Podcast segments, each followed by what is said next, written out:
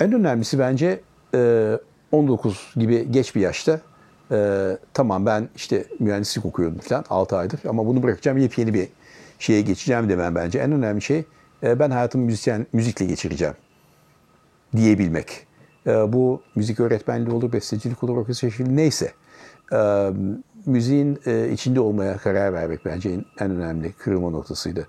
Ondan sonra İngiltere'de üniversitedeyken hepimizin birinci sınıfta şöyle biraz okul orkestrasını yönetme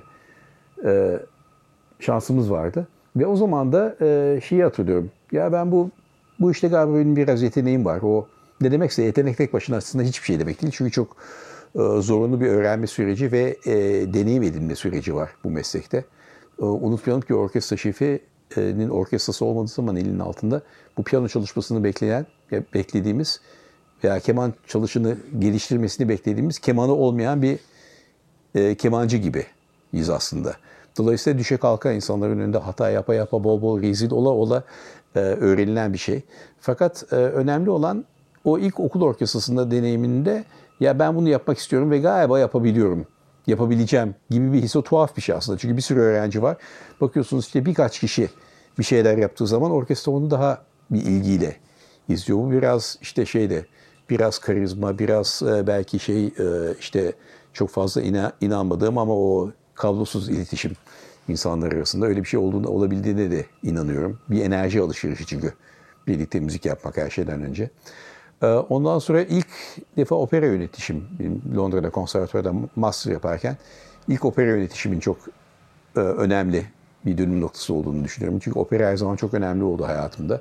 Ve daha iyi yaptığım şeyin opera olduğunu her zaman inandım.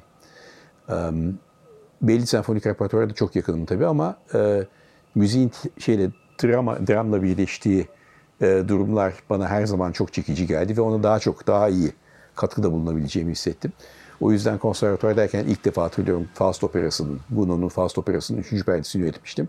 Onun çok özel bir an olarak hatırlıyorum. Orkestra çukurdasında yukarıda sahne, koro falan var, solistler böyle hepsi bir arada yönetiyorsun falan. Çok heyecan verici bir şeydi. Ee, sonra zaman zaman tabii Gençlik Orkestrası'nın kuruluşu e, 2007'de. O gerçekten müzikle ilgili inandığım her şeyin e, bir yerde e, uygulamaya kurulabilmesi için bir fırsattı ve hala öyle devam ediyor. E, önemli noktaları belki yine e, dünyanın önemli opera kurumlarından e, o zaman adı Kirov Operası olan şimdi Marinsky Tiyatrosu'nun Çarlık zamanındaki adına dönmüş olan St. Petersburg'daki operayı ilk yönetişim benim için önemli.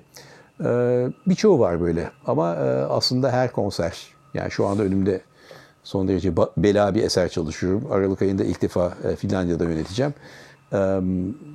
O eseri, eserle ilk defa yüzleşmem, onun üzerine düşünmem de önemli bir şey. Yani önemli olan burada 30 yıl, 40 yıl içinde e, repertuarda tekrar tekrar gelen eserler var. Ee, bazen bir Beethoven 7. senfoni yönetiyorsunuz. Sonra 10 yıl sonra tekrar yönetiyorsunuz. Sonra 20 yıl sonra tekrar yönetiyorsunuz. Onların her defasında ilk defa gibi heyecan verici böyle bir o anda hayatınızda en önemli şeyi ne yapıyormuşsunuz gibi yaklaşmanız çok çok önemli.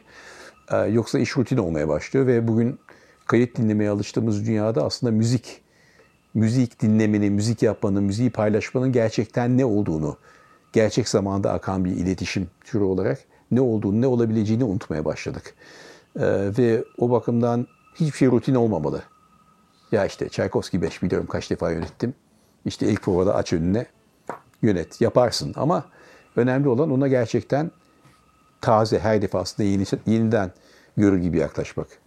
Çünkü unutmamak gerekir ki biz yani o bestecilerin bestecilere kıyasla sıradan ünlüleriz aslında. Ve 20 yılda bir şuna baktığımız zaman belki biraz daha anlayacağız o kadar.